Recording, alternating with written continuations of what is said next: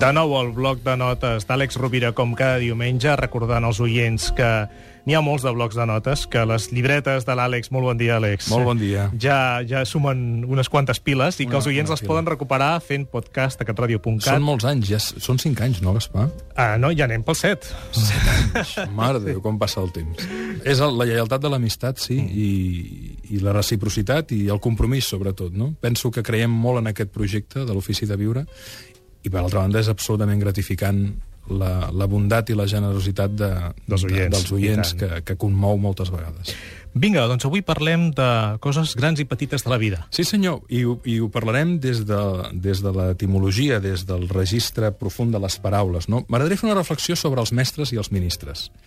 I si mirem en llatí d'on ve la paraula magister, que és mestre, el terme llatí magister vol dir mestre, i designava l'antiga Roma a persones que tenien poder o autoritat. És la forma patrimonial de l'antiga paraula magister, no? I què vol dir magister? Doncs vol dir el més gran o el millor. La forma magister ve construïda per una raïl, magis, que vol dir més, i, o, o màxim, o magna, però a més li afegim el ter, que vol dir encara, és un contrastiu comparatiu que, que subratlla la força d'això. No? Per tant, quan parlem d'un mestre, podríem dir que és aquell, aquella persona gran, aquella persona que té autoritat. I per què?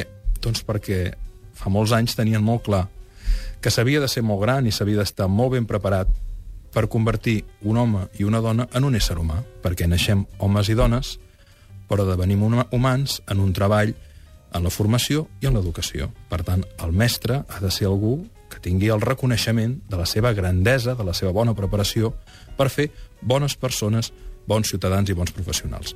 Curiosament, la paraula minister ve del llatí eh, eh, minister, que vol dir servent, eh, d'alguna manera, eh, la paraula administrar, eh, ministrar fins i tot, o administrador, tenen aquesta mateixa arrel, no? Però és que, precisament, la paraula minister té una arrel contrària, que vol dir el que serveix, el que ajuda, però ve de menys, eh, ve de, en l'etimologia popular, ve de la persona que es dedica, diguéssim, a les qüestions menors, a les qüestions petites.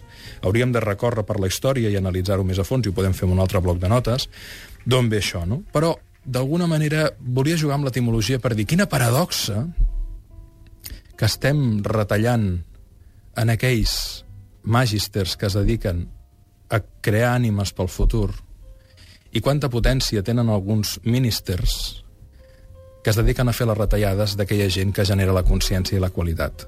Això vol dir que hem invertit a l'ordre dels valors, a l'ordre d'allò que val, i per tant és evident que es manifestin crisis i indignacions com les que s'estan manifestant. Els clàssics tenien molt clar que el valor està en l'ànima i en conrear bones persones i que la gestió de la matèria, si la persona és honesta, no és tan complicada. Bloc de notes d'Àlex Rovira, cada diumenge, l'Ofici de Viure. Gràcies, Àlex. Una abraçada a tots. Fins la Bona setmana que ve. setmana.